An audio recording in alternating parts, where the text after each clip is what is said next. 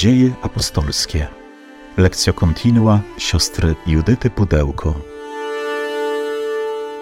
Powracamy do naszego tekstu dziejów apostolskich. Cały czas jeszcze jesteśmy w Jerozolimie, ciągle sobie to powtarzamy, że y, ten kościół, który tutaj się urodził z tajemnicy paschalnej Jezusa, z obdarowania Jego duchem, jeszcze cały czas w tej Jerozolimie przebywa, chociaż już były takie małe symptomy zapraszające, y, żeby wyjść poza Jerozolimę, ponieważ pojawiali się ludzie chorzy, potrzebujący, którzy się zbliżali do apostołów, do Piotra, e, szukający uzdrowienia właśnie spoza Jerozolimy, z okolicznych e, miast czy osad, e, ale jeszcze cały czas Kościół w tej Jerozolimie jest, tu się rozwija i tutaj doświadcza różnych e, przeciwności.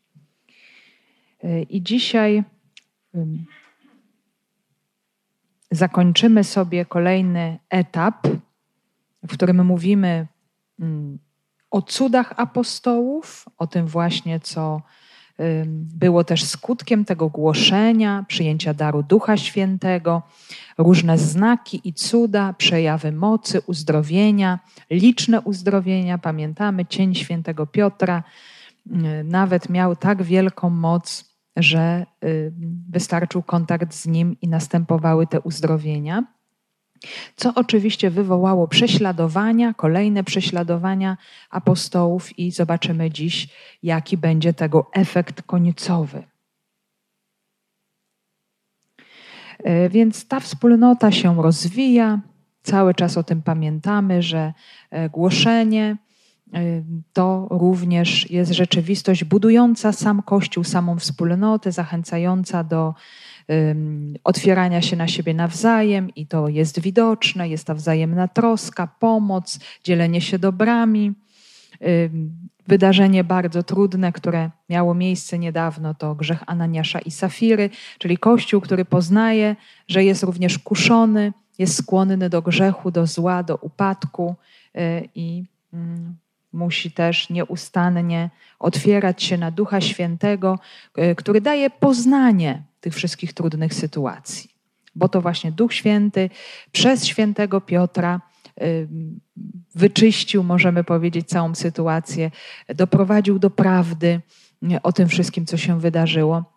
A jak pamiętamy, tym grzechem była hipokryzja, chęć pokazania się innymi niż się jest w rzeczywistości. I ta pokusa zawsze jest obecna y, w kościele. E, więc ciągłe zaproszenie do nawracania się z jednej strony, a z drugiej strony Duch Święty cały czas działa i dokonują się cuda, znaki e, i tłumy mężczyzn i kobiet e, otwierają się na wiarę, ponieważ być chrześcijaninem, przynależeć do tej wspólnoty było absolutnie koniecznie związane z wiarą, czyli z przyjęciem Jezusa jako Zbawiciela, jako Pana, jako tego, który daje dar nowego życia, daje odkupienie. Więc nie było żadnej innej możliwości, żeby y, z tą grupą jakoś y, w inny sposób się zakolegować, tak mówiąc po naszemu, e, a jedynie właśnie przez rzeczywistość wiary. I ci nowi chrześcijanie, którzy się pojawiają, adepci, otwierający się na wiarę, budzą zazdrość przywódców świątynnych, tym bardziej, że wszystkie te wydarzenia, y, te mowy Piotra, one następują właśnie y, na dziedzińcu świątyni i pojawia się właśnie problem z tym związany. Apostołowie zostają uwięzieni, a pojawia się anioł Pana, który ich wyprowadza z więzienia. To jest właśnie ta niezwykła interwencja Bożej mocy niewytłumaczalna przy zamkniętych drzwiach, przy strażnikach.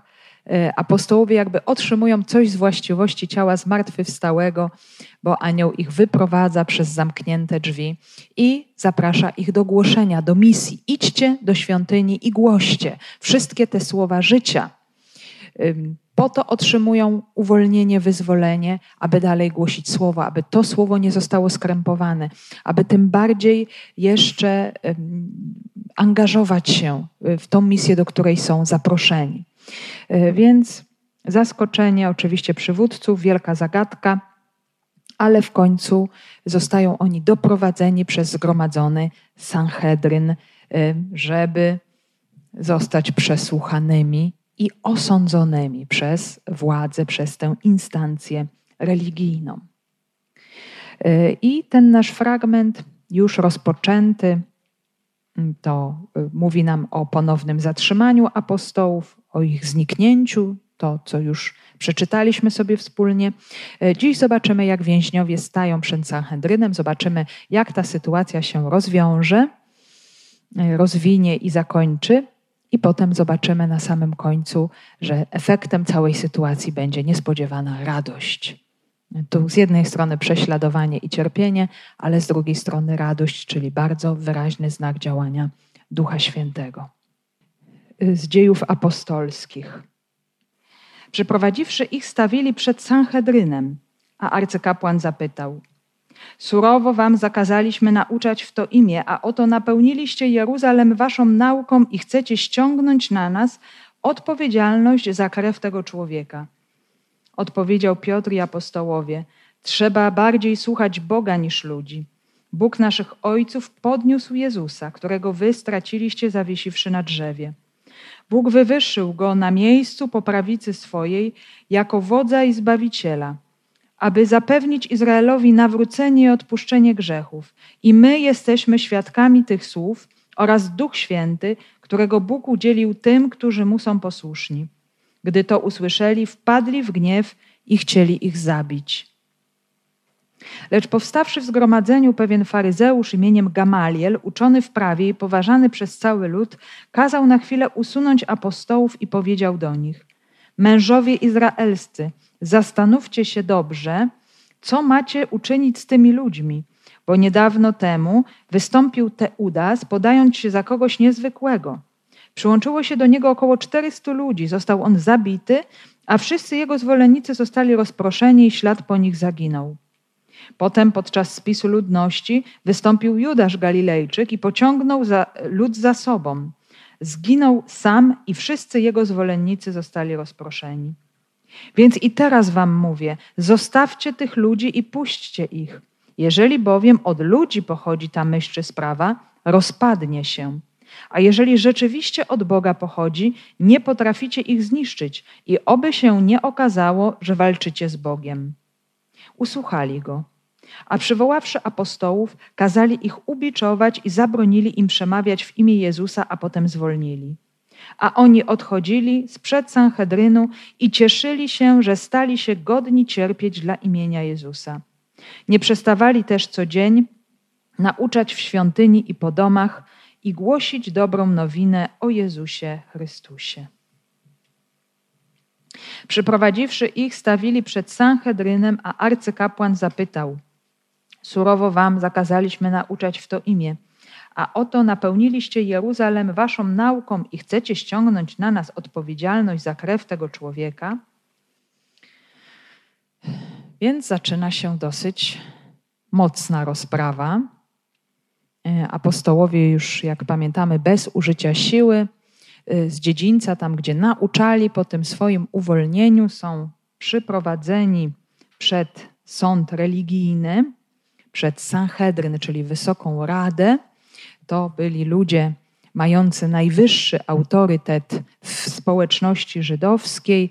Około 200 roku prawdopodobnie ta rada została e, zwołana, zgromadzona Y, przynależało do Sanhedrynu 71 ludzi, więc był to na czele był arcykapłan i byli arcykapłani, wszyscy ci, którzy należeli do rodów arcykapłańskich. Oczywiście byli też i uczeni w piśmie, 23 uczonych w piśmie, 23 kapłanów y, i też starsi którzy należeli do arystokracji świeckiej, ale musimy pamiętać, że w Sanhedrynie najważniejszą rolę odgrywali jednak kapłani. Y, czyli to był arcykapłan, ci, którzy pochodzili z rodu arcykapłańskiego. Y, no natomiast oczywiście z innych stronnic faryzeusze też mieli jakąś tam swoją pozycję, ale jeszcze nie w tym momencie tak ważną jak kapłani. Zresztą, dopóki istniała świątynia, oni tutaj odgrywali akurat w Sanhedrynie najważniejszą rolę. Więc oczywiście na czele stał arcykapłan y, i oczywiście był to, było to nieoficjalne, możemy powiedzieć, takie ciało rządzące, cały ten Sanhedryn, ponieważ Żydzi nie mogli ważnych rzeczy, jakichś takich bardzo istotnych, sami ustalać ze względu na to, że byli pod władzą rzymską. To doskonale pamiętamy jeszcze z procesu Jezusa, czyli wszystkie sprawy gardłowe musiały przechodzić przez władzę rzymską. Pomniejsze kwestie religijne oni mogli sobie rozstrzygać, osądzać. Jeżeli ktoś na przykład nie przestrzegał prawa, y, czy się zachowywał w sposób wywrotowy, tak jak teraz jest tutaj tego podejrzenie, no to wtedy właśnie y, Sanhedryn, czyli ta władza religijna, miała się tej sprawie przyjrzeć, zobaczyć i też y, jakąś karę wyznaczyć, jeżeli była taka potrzeba. Y, tak jak w tym przypadku zobaczymy, czasami to była chłosta, czyli kary cielesne wtedy e, miały miejsce, czy y, była to na przykład jakaś kara wykluczenia na jakiś czas ze wspólnoty, modlitwy, że ktoś taki musiał sobie popokutować za jakieś niewłaściwe zachowanie, więc różne sposoby były tutaj też pilnowania e, porządku. Więc jak na razie właśnie saduceusze, kapłani, arcykapłani tutaj grali pierwsze skrzypce.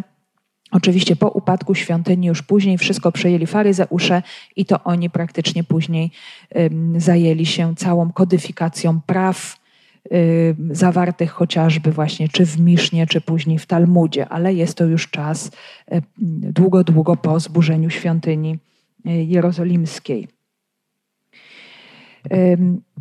No właśnie, oni stają przed tym sądem i zobaczcie, moi drodzy, że nie ma w ogóle e, w ustach arcykapłana jakiegoś zadziwienia czy refleksji, że ci ludzie w sposób zupełnie niezwykły zniknęli z więzienia. No to chociaż mogłoby ich przynajmniej jakoś minimalnie zastanowić, co się stało. Że oto ci ludzie byli przed chwilą pod mocną strażą, zamknięci, pilnowani, a oto się wymknęli z ich rąk. Ale widać, że e, zupełnie władzy to nie interesuje. Widać, że e, też pewne znaki, one są czytelne dla ludzi, którzy wierzą. Albo dla ludzi, którzy mają już pewną wrażliwość, mają już pewną otwartość w swoim sercu na działanie Boga.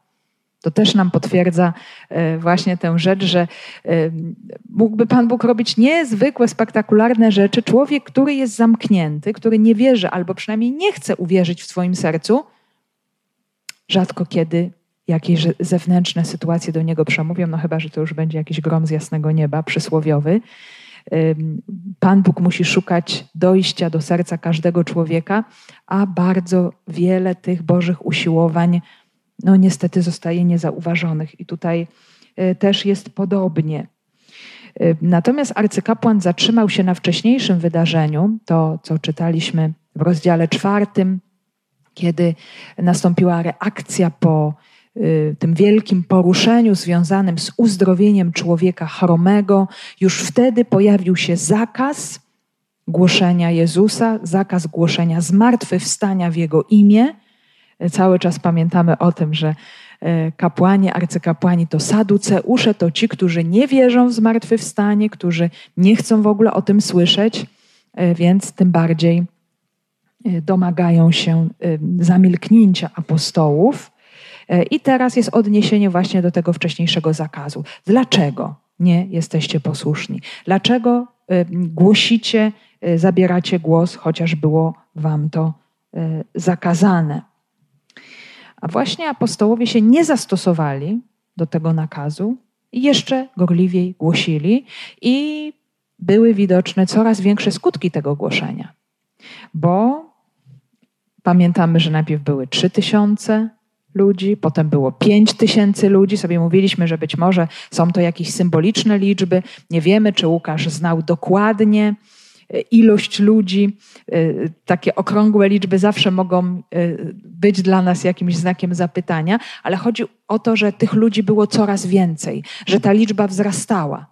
I najpierw 3 tysiące, potem 5 tysięcy, a teraz arcykapłan mówi, że napełniliście całą Jerozolimę. Już całe miasto zostało napełnione tą nauką, słowem o, słowem o Jezusie, które prowadzi do zbawienia. I sam arcykapłan poświadcza realizację tej pierwszej zapowiedzi Jezusa, który przed swoim odejściem powiedział apostołom: Będziecie moimi świadkami. I tym pierwszym punktem była Jerozolima. Będziecie moimi świadkami w Jeruzalem i w Samarii, w Judei, w Samarii i aż po krańce ziemi. Mają do przejścia kilka etapów, i już ten pierwszy etap został y, w jakiś sposób zrealizowany.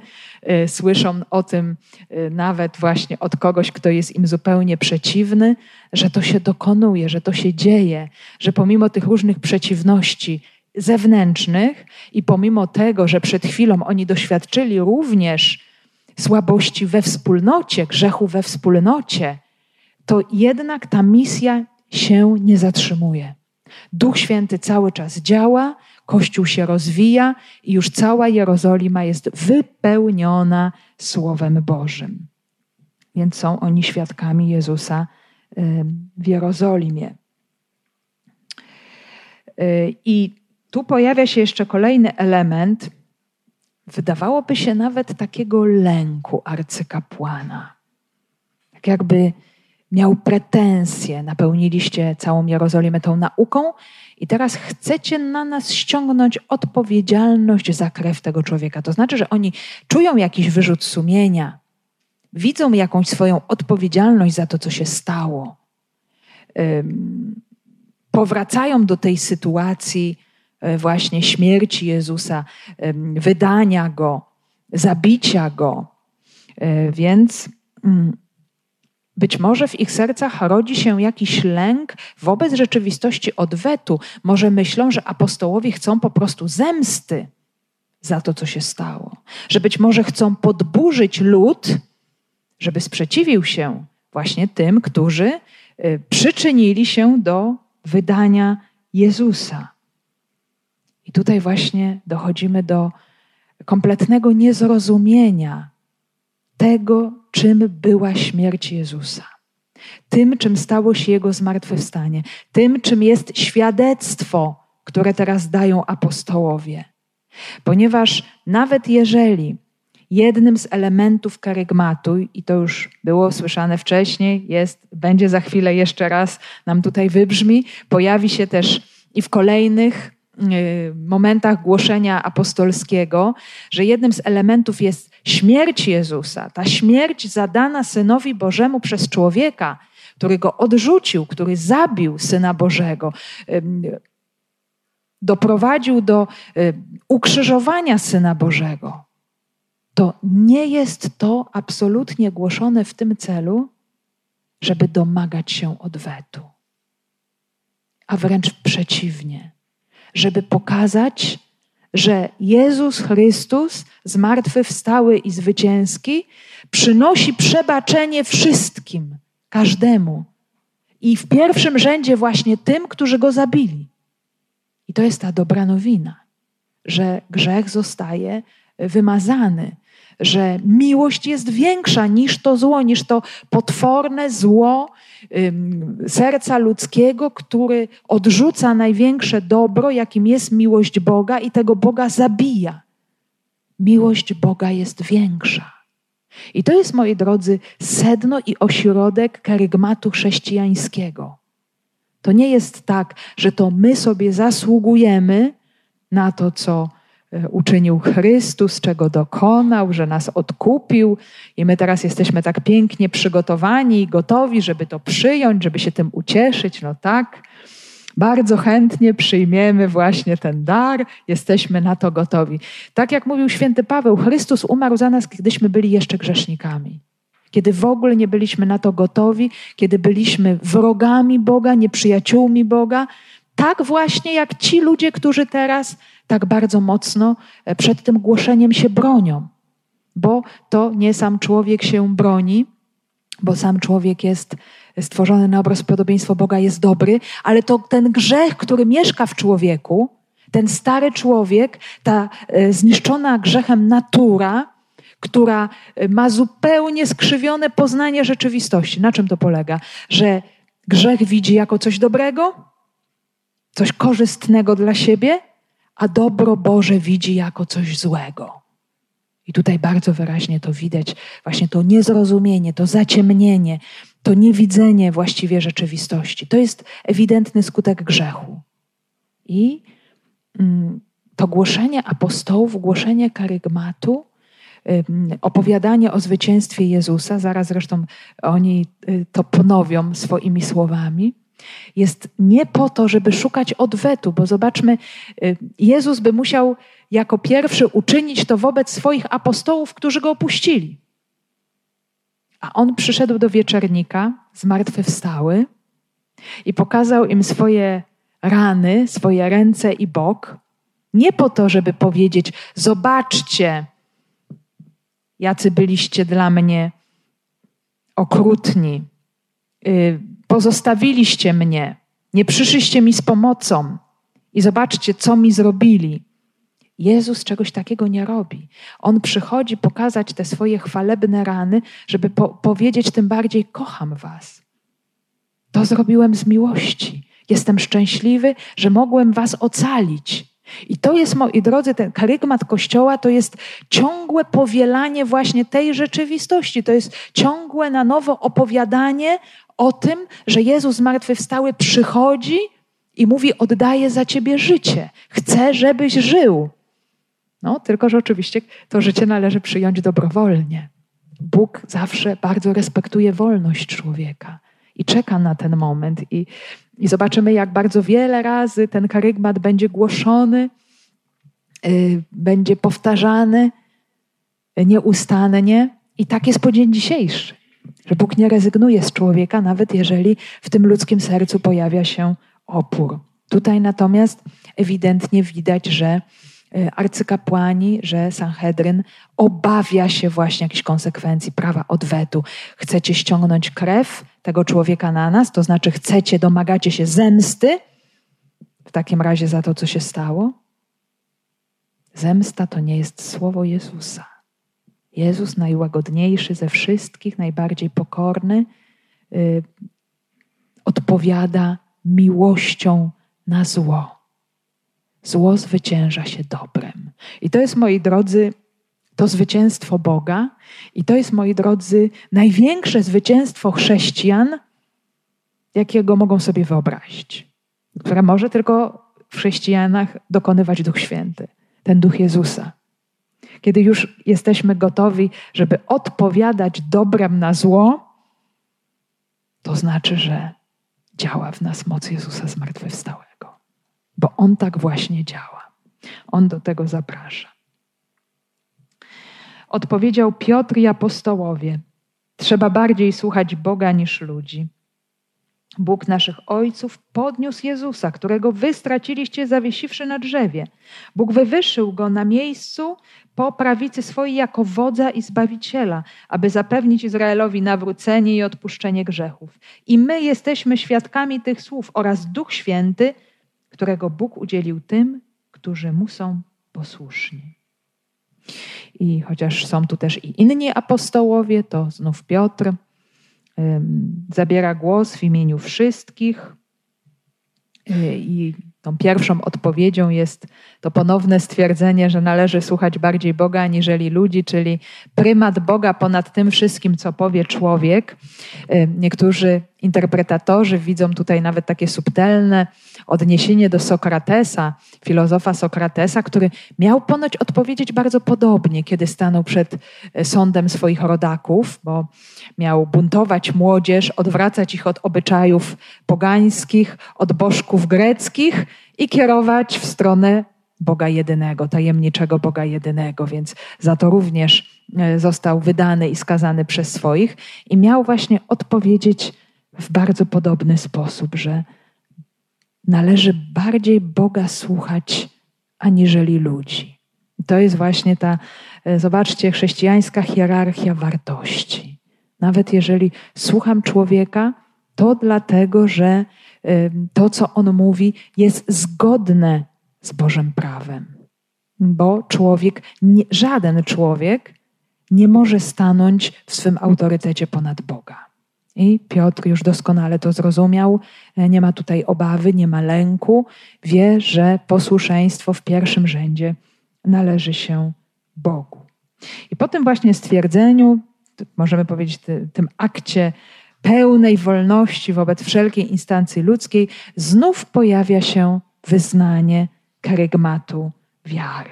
Więc możemy powiedzieć odpowiedź na wszystkie rzeczy, więc jest też taki piękny, niesamowity obraz, że chrześcijanin, kiedy staje właśnie w sytuacji zagrożenia, kiedy jest wydawany na sąd, y, kiedy jest podważane to, co robi, to, co mówi, to się wszystko dla niego staje sposobnością do składania świadectwa. I Piotr zaczyna ewangelizować swoich sędziów.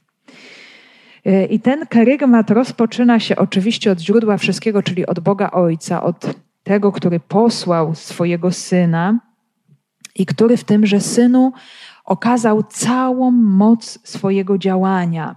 I ta moc się objawiła w tym zmartwychwstaniu Jezusa, w podniesieniu go. Tutaj właśnie y, dosłownie właśnie podnosząc go z martwych, Bóg objawił swoją moc i najpierw tutaj pojawia się odniesienie do zmartwychwstania. W momencie kolejność jest odwrócona. Piotr bardziej akcentuje to zwycięstwo życia, mówi najpierw o zmartwychwstaniu, a potem przypomina rzeczywistość ukrzyżowania dokonaną przez ludzi, no, w czym uczestniczyli również właśnie ci, którzy w tym momencie słuchają apostołów. Ale o wiele ważniejsze jest to wywyższenie paschalne Jezusa że ta śmierć ostatecznie doprowadziła do zwycięstwa, do zmartwychwstania, do objawienia się pełni życia, do tego, że Jezus się objawił jako wódz i jako zbawiciel. Takie właśnie dwa terminy się tutaj pojawiają w ustach Piotra, czyli Jezus jawi się jako ten, Wódz to jest ten, który stoi na czele, zbawiciel, ten soter to jest ten, który wyzwala, uwalnia. Więc Jezus jest tak jakby tym, który jako zwycięzca grzechu i śmierci idzie na czele i przynosi to wyzwolenie, tę moc, to nowe życie wszystkim ludziom. On po to to uczynił, po to to zrobił, żeby to stało się dostępne dla y, człowieka. Y, I bardzo wyraźnie Piotr tutaj mówi, że to, co się wydarzyło, jest po to, aby tutaj każdy człowiek oczywiście, ale w pierwszym rzędzie Izrael dostąpił nawrócenia i odpuszczenia grzechów. I to jest bardzo ważna i bardzo wyraźna kolejność tej rzeczywistości, moi drodzy, bo to nie jest tak, że my staramy się właśnie ze wszystkich sił uwolnić z naszych grzechów, być lepszymi, tak bardzo się starać, być dobrymi, porządnymi i jakoś tam dochodzimy do tego zmartwychwstania, może się załapiemy na nie, jest dokładnie odwrotnie w tej rzeczywistości Jezusa. Że śmierć Jezusa na krzyżu i Jego zmartwychwstanie to jest siła, która człowieka uzdalnia do wszystkiego. Do tego, co tutaj y, słowo nazywa metanoją, czyli zmianą myślenia. Już kiedyś sporo mówiłam tutaj na ten temat przy różnych okazjach. Zmianą myślenia przede wszystkim o Bogu.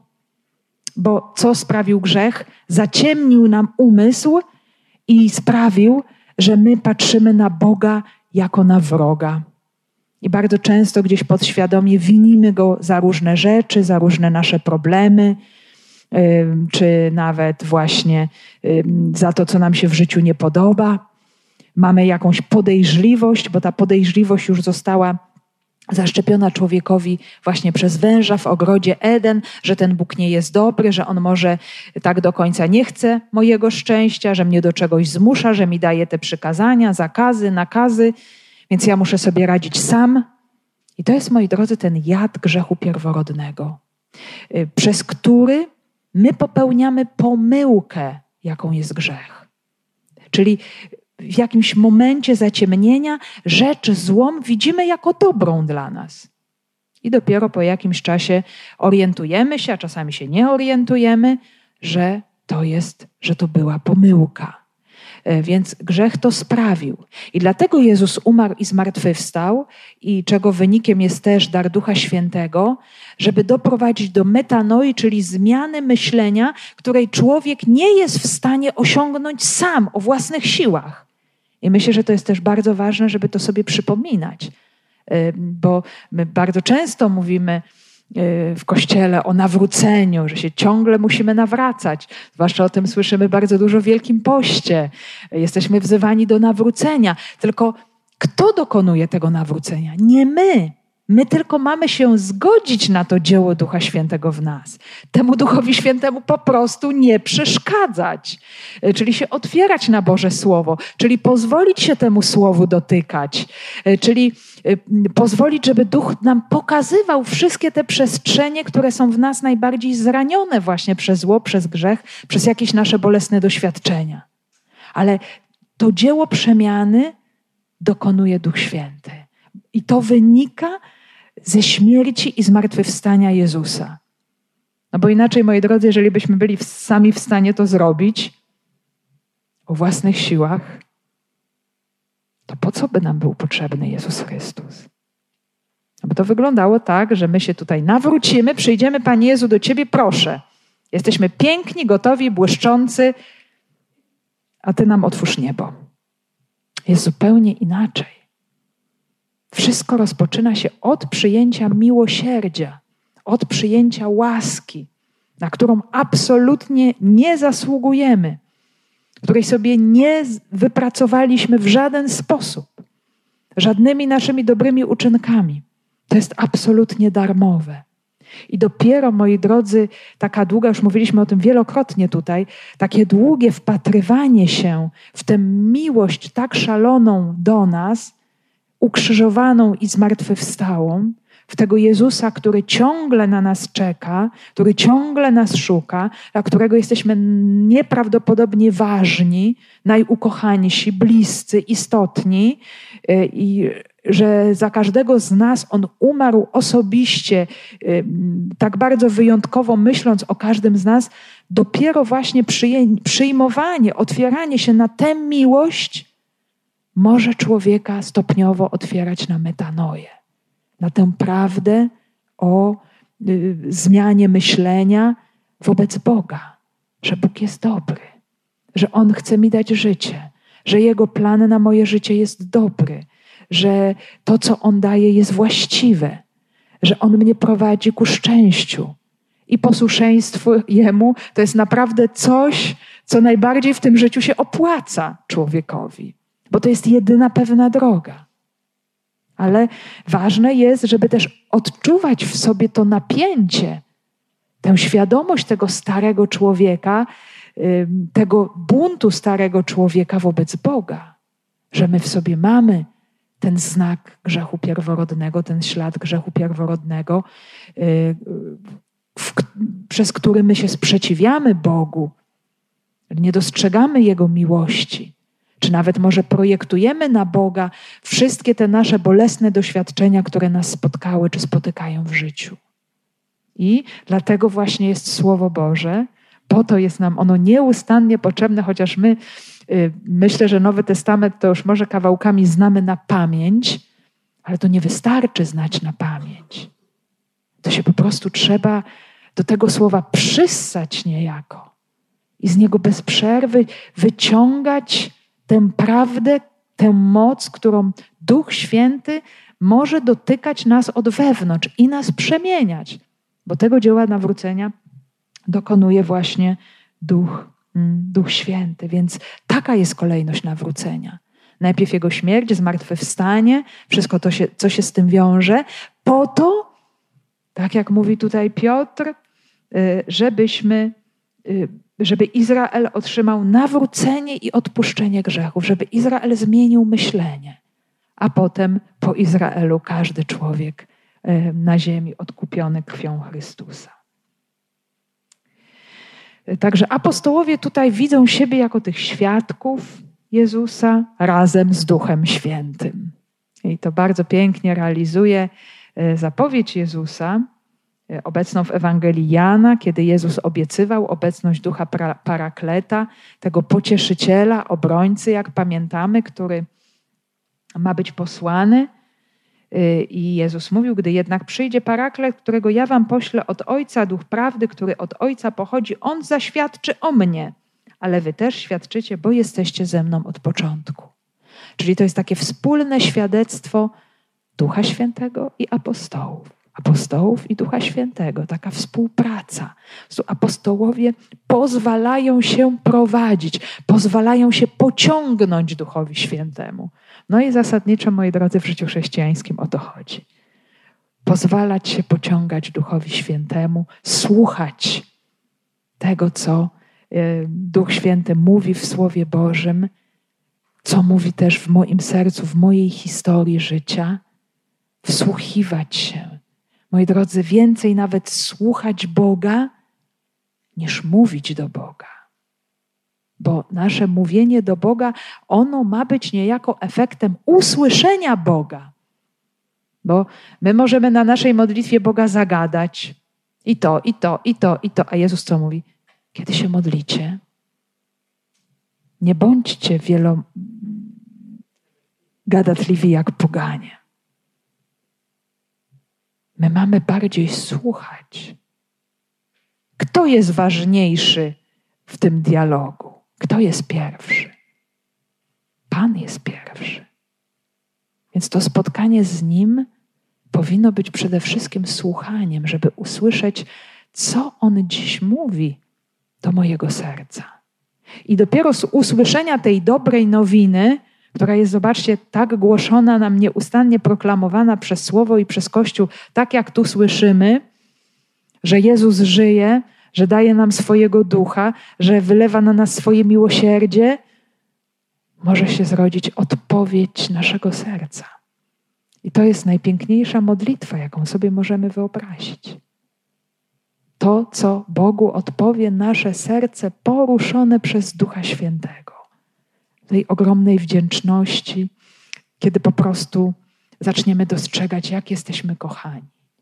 I wtedy człowiek, bo człowiek to jest takie stworzenie, że e, bardzo chce być kochany i chce to przeżywać na wszystkich swoich płaszczyznach, i duchowej, i ludzkiej, i nadprzyrodzonej, i przyrodzonej wtedy człowiek chce być z Bogiem. Wtedy naprawdę przeżywa tę więź nie jako jakiś ciężar, bo muszę, bo jestem ochrzczony, jestem, jestem katolikiem, tak wypada, ale wtedy człowiek dochodzi do tej więzi, która gdzieś rodzi się z jego serca, jest tą ogromną tęsknotą i przeżywa ogromne szczęście, właśnie mogąc odpowiadać na tę miłość, którą poznaje i którą doświadcza. I to jest chyba to nasze życie chrześcijańskie. To usłyszenie miłości i odpowiedź na tę miłość. I to jest właśnie to, co przynosi nam karygmat głoszony przez Kościół od samego początku aż po dzień dzisiejszy. Gdy to usłyszeli, wpadli w gniew i chcieli ich zabić. Zobaczmy, Jaka jest odpowiedź starego człowieka? Właśnie taka. I my to widzimy, że bardzo często tak jest, że człowiek nie chce spontanicznie przyjąć tej prawdy. Nie jest to wcale takie proste. Można dojść do pewnej zatwardziałości serca, gdzie nie widzi się potrzeby nawrócenia, zmiany czegokolwiek. Więc tutaj też jest potrzebne to działanie łaski w ogóle, żeby zrozumieć potrzebę nawrócenia, potrzebę zmiany swojego życia.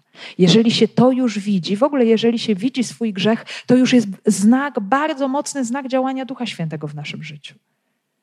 Jeżeli widzimy, że ja potrzebuję, że ja sobie nie poradzę, no to już jest bardzo mocny przewrót, bo można tego nie widzieć. Słowo Boże, słowo miłości może rodzić sprzeciw i go rodzi. Jak popatrzymy na ten świat, który nas otacza, to właśnie tak jest, że to słowo miłości, słowo łaski jest odrzucane, jest postrzegane właśnie jako coś absolutnie złego, coś, co budzi gniew, sprzeciw i nienawiść. I tutaj aż do tego stopnia, że oni chcą apostołów zabić. No, to jest zupełnie ta sama reakcja jak w przypadku Jezusa. No i tak dalej będzie się też działo. To nie jest jednorazowe wydarzenie, ale dalej też będziemy czytać o takich podobnych y, sytuacjach. Ale z drugiej strony, zobaczmy, apostołowie nie wypełnili swojej misji. Oni na razie napełnili Słowem Bożym Jerozolimę. Pierwszy etap. A gdzie Judea? A gdzie Samaria? A gdzie krańce ziemi? No i co teraz się stanie? Muszą wypełnić to, co Jezus im zapowiedział, a są w sytuacji zagrożenia swojego życia. Za chwilę mogą zostać wydani Rzymianom albo mogą zostać zlinczowani. Bo sytuacje linczu będą miały miejsce. Już za niedługo będziemy o tym słyszeć, że e, kiedy apostołowie przekroczą kolejną granicę, kiedy to głoszenie będzie jeszcze intensywniejsze, kiedy ta wspólnota jeszcze bardziej będzie się rozwijać i, i, i powiększać, to do takich linczów będzie dochodziło w międzyczasie. I tutaj też jest właśnie takie zagrożenie, ale jeszcze kres ich życia nie nastąpił. I co się stanie? Pan przyśle im kolejnego anioła. Zupełnie innego aniżeli ten pierwszy. Ten pierwszy to był anioł Pana z nieba, który dokonał rzeczy absolutnie cudownej, wyprowadził ich z więzienia. A teraz pojawi się kolejny anioł, taki zupełnie w ciele, którym Pan w sposób niespodziewany się posłuży. Lecz powstawszy w zgromadzeniu pewien faryzeusz imieniem Gamaliel, uczony w prawie i poważany przez cały lud, kazał na chwilę usunąć apostołów i powiedział do nich. Mamy tutaj słynną postać, historyczną, autentyczną, bardzo znaną, faryzeusza Gamaliela, który działał w pierwszym wieku, mniej więcej w latach 25-50 po Chrystusie. Y, tak bardzo się zasłużył, że był wymieniany w Misznie, czyli w najstarszej części Talmudu. Miał przydomek Rabban, czyli nasz mistrz. A po jego śmierci pojawiły się stwierdzenia, które później zostały zapisane w Talmudzie, że kiedy stary Rabban Gamaliel umarł, ustała chwała prawa, umarła czystość i wyrzeczenie. Był to człowiek bardzo szanowany i y, postrzegany jako człowiek bardzo Boży, bardzo prawy. To przeżywał tą swoją przynależność do stronnictwa faryzeuszów na poważnie. Mm, był takim faryzeuszem bardzo roztropnym, bardzo otwartym też na Boże działanie. I Gamaliel podejmuje debatę, zabiera głos. Jest to też rzeczywiście niezwykłe, bo tak jak mówiliśmy przed chwilą, największy autorytet w tej radzie, w tym zgromadzeniu posiadali saduceusze, arcykapłani, a tymczasem głos zabiera y, faryzeusz. Każe usunąć apostołów, chce, żeby pozostała sama Najwyższa Rada, sam Sanhedryn i przemawia następująco. Mężowie izraelscy, zastanówcie się dobrze, co macie uczynić z tymi ludźmi bo niedawno temu wystąpił Teudas, podając się za kogoś niezwykłego. Przyłączyło się do niego około 400 ludzi, został on zabity, a wszyscy jego zwolennicy zostali rozproszeni i ślad po nich zaginął. I Gamaliel zwraca się z zapytaniem do całej Najwyższej Rady, żeby się zastanowili, co w tej sytuacji zrobić. I pod ich refleksję poddaje dwa przykłady bardzo konkretne przykłady, które mają wziąć pod rozwagę, i te przykłady dotyczą tak zwanych pseudomesjaszy, którzy się ostatnio pojawili. Bo to był taki czas burzliwy, trudny. Wszyscy pragnęli wyzwolenia ze strony Rzymian, wzmagały się różnego rodzaju zamieszki, pojawiali się różni ciekawi ludzie, którzy mieli wielkie ambicje y, objawienia się jako Mesjasze. I tutaj wymienia Gamaliel dwóch. Jeden i drugi są również opisani e, przez Józefa Flawiusza w dawnych dziejach Izraela. Właśnie te dwa przypadki są obecne. Teudas, który zapowiadał generalnie cuda związane z wyjściem na, z, z przejściem Izraela przez pustynię, a dokładnie zapowiadał, że na moje słowa rozstąpi się Jordan i przejdziemy suchą nogą, tak jak za czasów Jozułego. No i oczywiście ludzie się przyłączyli, polecieli za nim na pustynię. Jordan się nie rozstąpił, niestety, natomiast Teudas został pojmany przez Rzymian jako buntownik i stracony. Więc nic z tego. I kolejny to Judasz Galilejczyk, który, jak sama nazwa wskazuje, pochodził z Galilei i kiedy w szóstym roku po Chrystusie, czyli już jakiś czas wcześniej, ale widać, że była to sytuacja bardzo, bardzo zapamiętana, on za czasów y, panowania Kwireniusza, kiedy był spis ludności urządzony, y, też wzniecił bardzo silne powstanie przeciw Rzymianom, także to było bardzo też zapamiętane y, przez współczesnych. Był on sam zelotą. No i też oczywiście to powstanie zostało zdławione. Judasz Galilejczyk został stracony. No i wszystko się rozpadło. Tak samo jak wcześniej.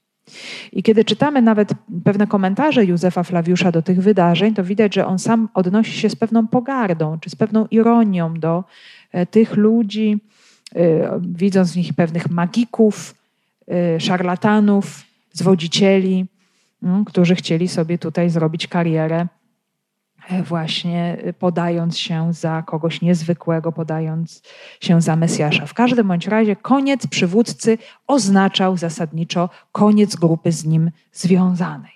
I to jest właśnie ten argument, y, który Gamaliel próbuje wykorzystać w tym celu, żeby tę nową grupę poddać też właśnie takiej próbie.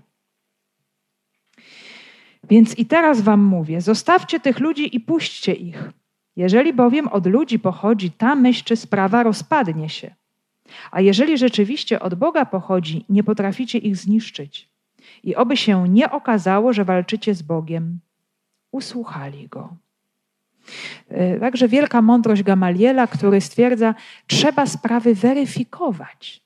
Trzeba się sprawom przyglądać, skąd dana rzecz pochodzi. Bo jeżeli rzeczywiście to pochodzi z jakichś ludzkich pobudek i jest to kolejny ruch czy grupa szarlatanów, jak te Udasa, jak Judasza Galilejczyka, to to wszystko umrze śmiercią naturalną. To to się wszystko samo rozpadnie z czasem, prędzej czy później. Ale uważajcie, bo jeżeli to pochodzi od Boga, no to może się okazać, że walczycie z Bogiem a to już są jednak nie y, przelewki. Więc tego rodzaju weryfikacje, one też już były obecne w biblijnym Izraelu, zwłaszcza w odniesieniu do proroków. Jeżeli prorok coś zapowiadał, należało poczekać troszeczkę, bez obawy, no to my zobaczymy, czy to się wszystko zrealizuje, czy to się sprawdzi, czy będzie tak, jak zapowiada prorok. No bo jeżeli nie, no to znaczy, że taki prorok nie jest posłany przez Boga, że te jego słowa nie były prawdą. I dlatego tutaj też właśnie Gamaliel zachęca to oczekiwanie. Zobaczymy, co z tego wszystkiego wyniknie. Czy to się wszystko rozpadnie, czy to się wszystko jeszcze rozwinie i umocni, jeżeli to jest Boże dzieło. I moi drodzy, ta zasada, ona obowiązuje też w Kościele zawsze w odniesieniu do jakichś nowych rzeczywistości, nowych darów Ducha Świętego, e, nowych ugrupowań, e, jakichś e, nowych sposobów działania, czy jakichś grup w kościele. Mm, zawsze trzeba poczekać i zobaczyć, z czego to wynika i do czego to prowadzi, jakie są owoce, bo jeżeli jest to sprawa ludzkiej ambicji, to się na pewno prędzej czy później wszystko rozpadnie. Sam Gamaliel też jest tutaj dla nas takim bardzo ciekawym przykładem, bardzo tajemniczym człowiekiem. Może nas zastanawiać, dlaczego on wziął w opiekę y, apostołów, dlaczego stanął y, jako jedyny w ich obronie, y, czy to jego jakaś osobista mądrość i właśnie efekt tego, że sam rozważał Słowo Boże, sam słuchał słów pisma, czy może właśnie jego jako jedynego zastanowiło to zniknięcie apostołów z więzienia, chociaż tekst nam o tym wyraźnie nie mówi, ale nie jest to też wykluczone, a może był jakimś cichym sympatykiem chrześcijan, a może był nawet kryptochrześcijaninem. Nie wiadomo, jak to do końca było. W każdym bądź razie Pan Bóg posłużył się tutaj Gamalielem, jego inteligencją, jego spostrzegawczością, jego konceptem, żeby zrealizować swój plan. I myślę, że co do tego to już mamy pewność, że Pan Bóg może się posłużyć kim chce. Nie musi to być nawet ktoś, kto się nam podoba, ktoś, kogo lubimy, ktoś, kto wydaje się nam, że y, no, jest na właściwym miejscu, czy myśli tak słusznie. Pan Bóg może się posłużyć kim chce, w jaki sposób chce, żeby Jego wola się mm, wypełniła. Y, także y, zaskakująco to rozwiązanie Gamaliela zostało przyjęte, czyli ta jego mowa, zobaczcie też, uspokoiła ten gniew, to rozjuszenie bo e, słowa apostołów no, podniosły ciśnienie bardzo mocno. Był gniew, były emocje, które bardzo szybko mogły przerodzić się w, w bardzo konkretne akty przemocy.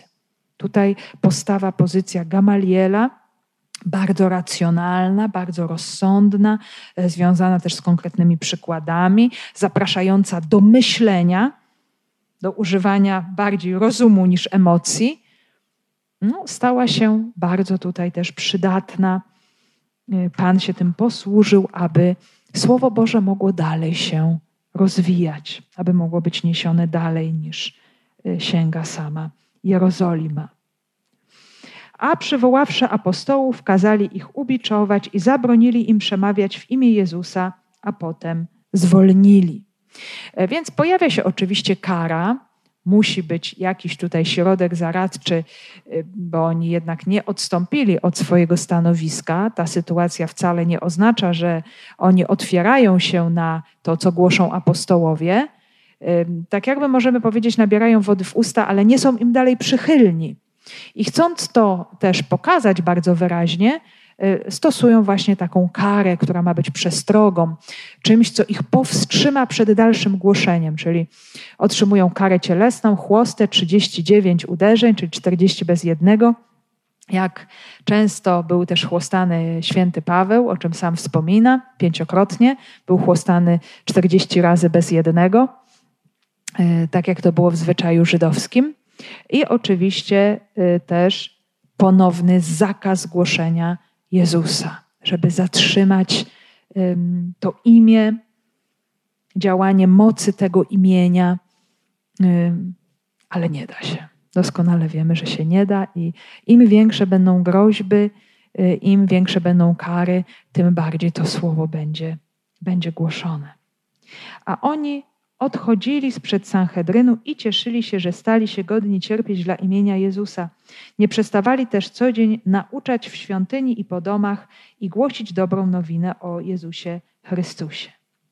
I zaskakująco pojawia się radość, i moi drodzy, uwaga, ta radość, ona nie wynika z tego, o, zostaliśmy uwolnieni, o, mamy, mamy święty spokój, udało nam się, uff, już dali nam trochę w kość, ale jednak jesteśmy wolni. Nie, to nie jest wcale powodem ich radości. Powodem ich radości jest coś innego, że oni mogą dać coś z siebie dla tego wielkiego dzieła odkupienia człowieka, dla którego ich Pan i nauczyciel oddał całe swoje życie. Przelał swoją krew do ostatniej kropli. To my chociaż przelejemy kilka kropli naszej krwi, żeby to Jego słowo, ta Jego łaska, to Jego życie mogło być poznane.